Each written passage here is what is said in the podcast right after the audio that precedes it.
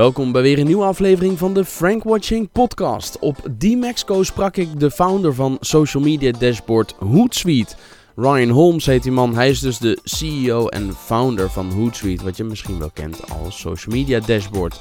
Wie is Ryan Holmes? Nou, deze Canadese programmeur en internetondernemer begon zijn eerste bedrijf al in high school. Later startte hij het bedrijf Invoke Media, waar hij van zijn klanten de roep hoorde om een online dashboard om social media te kunnen monitoren en managen. En daaruit ontstond Hootsuite. Maar wat is dan Hootsuite? Nou, Hootsuite is een van de meest bekende platformen waarmee je alle berichtgeving op Twitter goed kunt monitoren in handige kolommen. Zo kan je bijvoorbeeld een kolom aanmaken met alle vermeldingen of mentions. En met privéberichten die rechtstreeks aan jou zijn gestuurd, hè, de direct messages. En bijvoorbeeld een kolom met alle tweets waarin een specifiek keyword voorbij komt of een bepaalde hashtag handig voor events. En over hashtags gesproken, ik ga een uh, guilty pleasure met je delen. Maar we moeten wel afspreken, dit blijft dan onder ons, oké? Oké, komt-ie. Ik vind stiekem Boer zoekt vrouw heel erg leuk.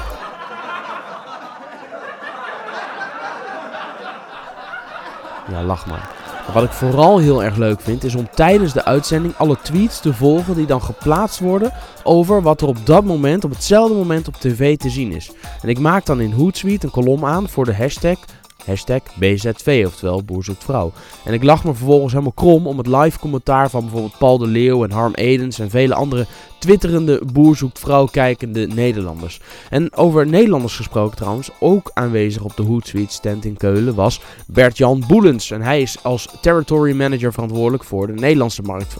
En met hem praat ik over een nieuwe dienst van Hootsuite, waarmee, hij, waarmee ze zich gaan richten op de grotere corporates. Om social media gebruik te stimuleren bij de medewerkers, door ze gesegmenteerd te voorzien van relevante content die vervolgens heel makkelijk deelbaar is op de eigen persoonlijke social media platformen.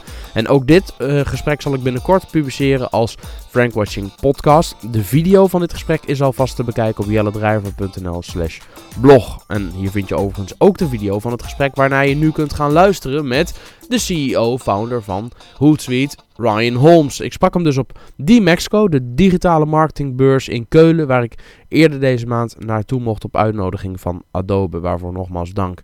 Mijn naam is Jelle Drijver en je luistert naar de Frank Watching podcast.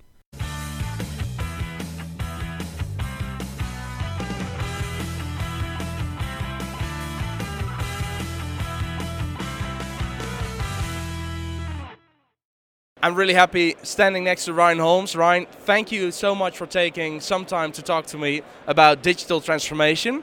Please, for, for the people who don't know you, could you just tell who are you? Sure. Yeah, my name is Ryan Holmes. Happy to be here, and I'm the CEO of Hootsuite, which is uh, the world's leading social media management platform. We help brands manage social media, so across multiple multiple social networks: Twitter, Facebook, LinkedIn, and others.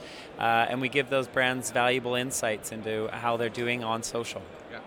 If you want to know more about Hootsuite, then please watch the video I just recorded earlier in Dutch with one of your colleagues. So, uh, could you tell me a little bit more about the digital transformation we are all in and how Hootsuite is um, uh, in that spectrum? Yeah, so you know, I'm going to be talking about this today as well at, at Mexico. Excited to, to talk about it. But really, there are four big trends that uh, are going on that are absolutely changing uh, brand's relationship with the consumer. So those are mobile. You know, we're all carrying a, a mobile phone in our pocket. Absolutely changes how brands interact. Uh, real time. So things like crowd economy, Uber, uh, Airbnb, etc., changing the relationship with the customer um, social, changing the relationship with the customer, and then demographic trends. So we talk about, we hear a lot about millennials. Uh, we're also talking a lot about Generation C, which is connected generation, people that are on internet, on social. And so all of these trends are transforming the whole customer relationship. A simple example is if you think about uh, the 1 800 call number that, that uh, we used to have to call for yeah. customer support. Nobody does that anymore. They go to mobile, yeah. they go to social, they put a message out, and there's transparency. Everybody sees it. The brand is now accountable, and it is changing the relationship with brands and their customers. Brands that uh, that don't go there and aren't talking to their customers where they live uh, are going to miss out. Their competitors will be there, and their competitors will eat their lunch, to use an expression. It's not done anymore to to offer your clients a, a, a, tape saying, "Please hold the line." Right. Yeah, nobody is going to do that. It, it, it is, uh, you know, it's frustrating for everybody. it takes everybody's time, and we don't need to be doing that in this uh, new era. So because all the people are in social media, media using social media, you decided to start a platform where people can interact with their customers and potential customers, and combine all these platforms in one, uh, in one in Hootsuite. So those you mentioned two uh, transitions, but there are two more, right? Sorry, two more trends in transformation. Yeah, you said there are four trends, so we had two already. No, yeah. So so uh, mobile, mobile, social, real time, collaborative economy, and and generational.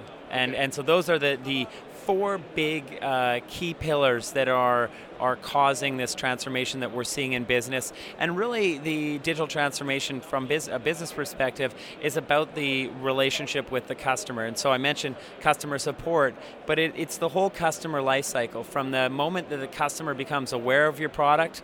Where are they becoming aware of your product? Most likely, they're becoming aware of a product on social and so that's how they understand they learn about it um, so that's that's awareness then action when they buy the product, uh, sharing of the product, selling the product, happening in social, supporting the customer through social, and if you do a really good job, uh, the customer becoming your advocate, the customer saying, "Hey, this is a great product, this is a great co- company," and sharing that again on social. So that whole life cycle uh, really happening on social, and and that is you know I think the biggest transformative piece is the customer relationship. Yeah, you should, as a company, be on the platforms that your customers are using using, I think, and I, I, yes, I, think you agree. Absolutely, yeah. yeah. A lot of customers in the Netherlands are using WhatsApp, but WhatsApp until now is not really cooperative to enable people to um, uh, to use WhatsApp as a web care platform. Is it? Can you? Because you know all these people, I think, in the in this umfeld. Do you have any thoughts about where that is going, and, and, will it in the nearby future maybe be added to Hootsuite? Is that, or am I going to? Uh yeah, so it's, it's a great question. No, no, I think um, so. The chat category. Uh, Facebook chat, yeah, Messenger, um, WhatsApp, and others. Uh, you know, we've seen Twitter uh, getting more interested in DM recently. So that real-time interaction piece, I think, I think where where does the conversation start? Uh, you know, in a lot of cases, it starts in an open and transparent way, but managing customer support in 140 characters is very difficult. And so we then want to bring it into a chat conversation where we can deal more rapidly with the back and forth of a, of a customer.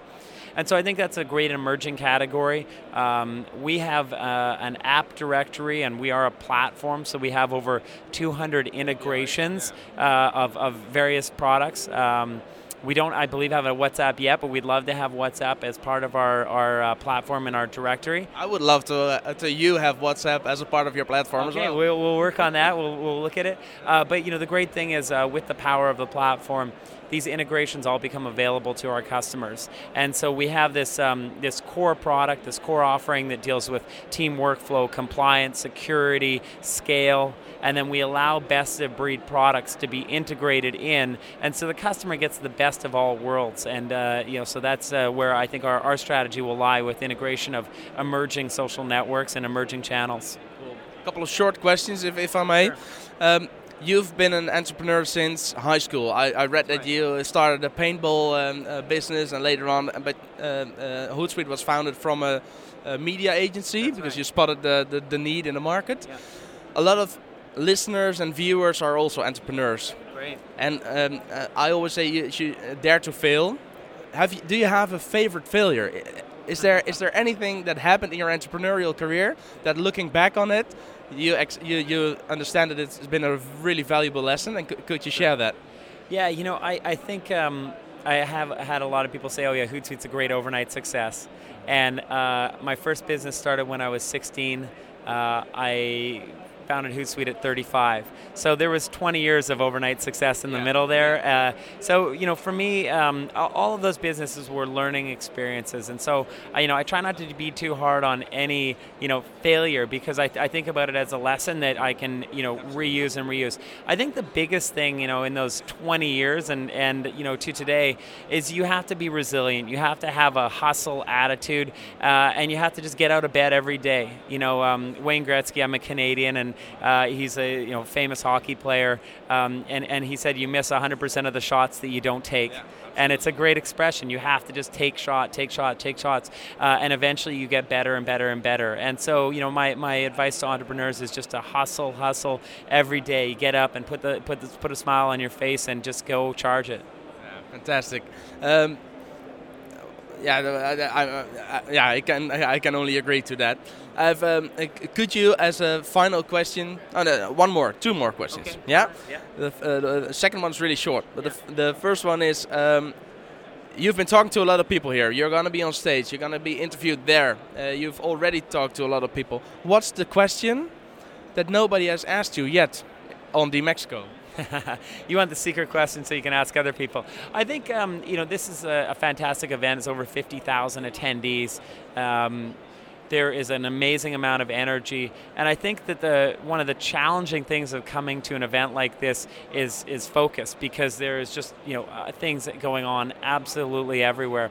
Um, you know, in terms of a question, I, I'm actually doing a, a profit talk. Uh, so for me, that's uh, uh, I decided to narrow in on the next kind of two to five years about things that I think are coming up, and uh, I will tell all the secrets there. So I need to go to the to the big I hall to get more- it. One more audience viewer, right? Very well. I will be there definitely. Nice. Thank All you so much. bet. All right. Cool. Yeah.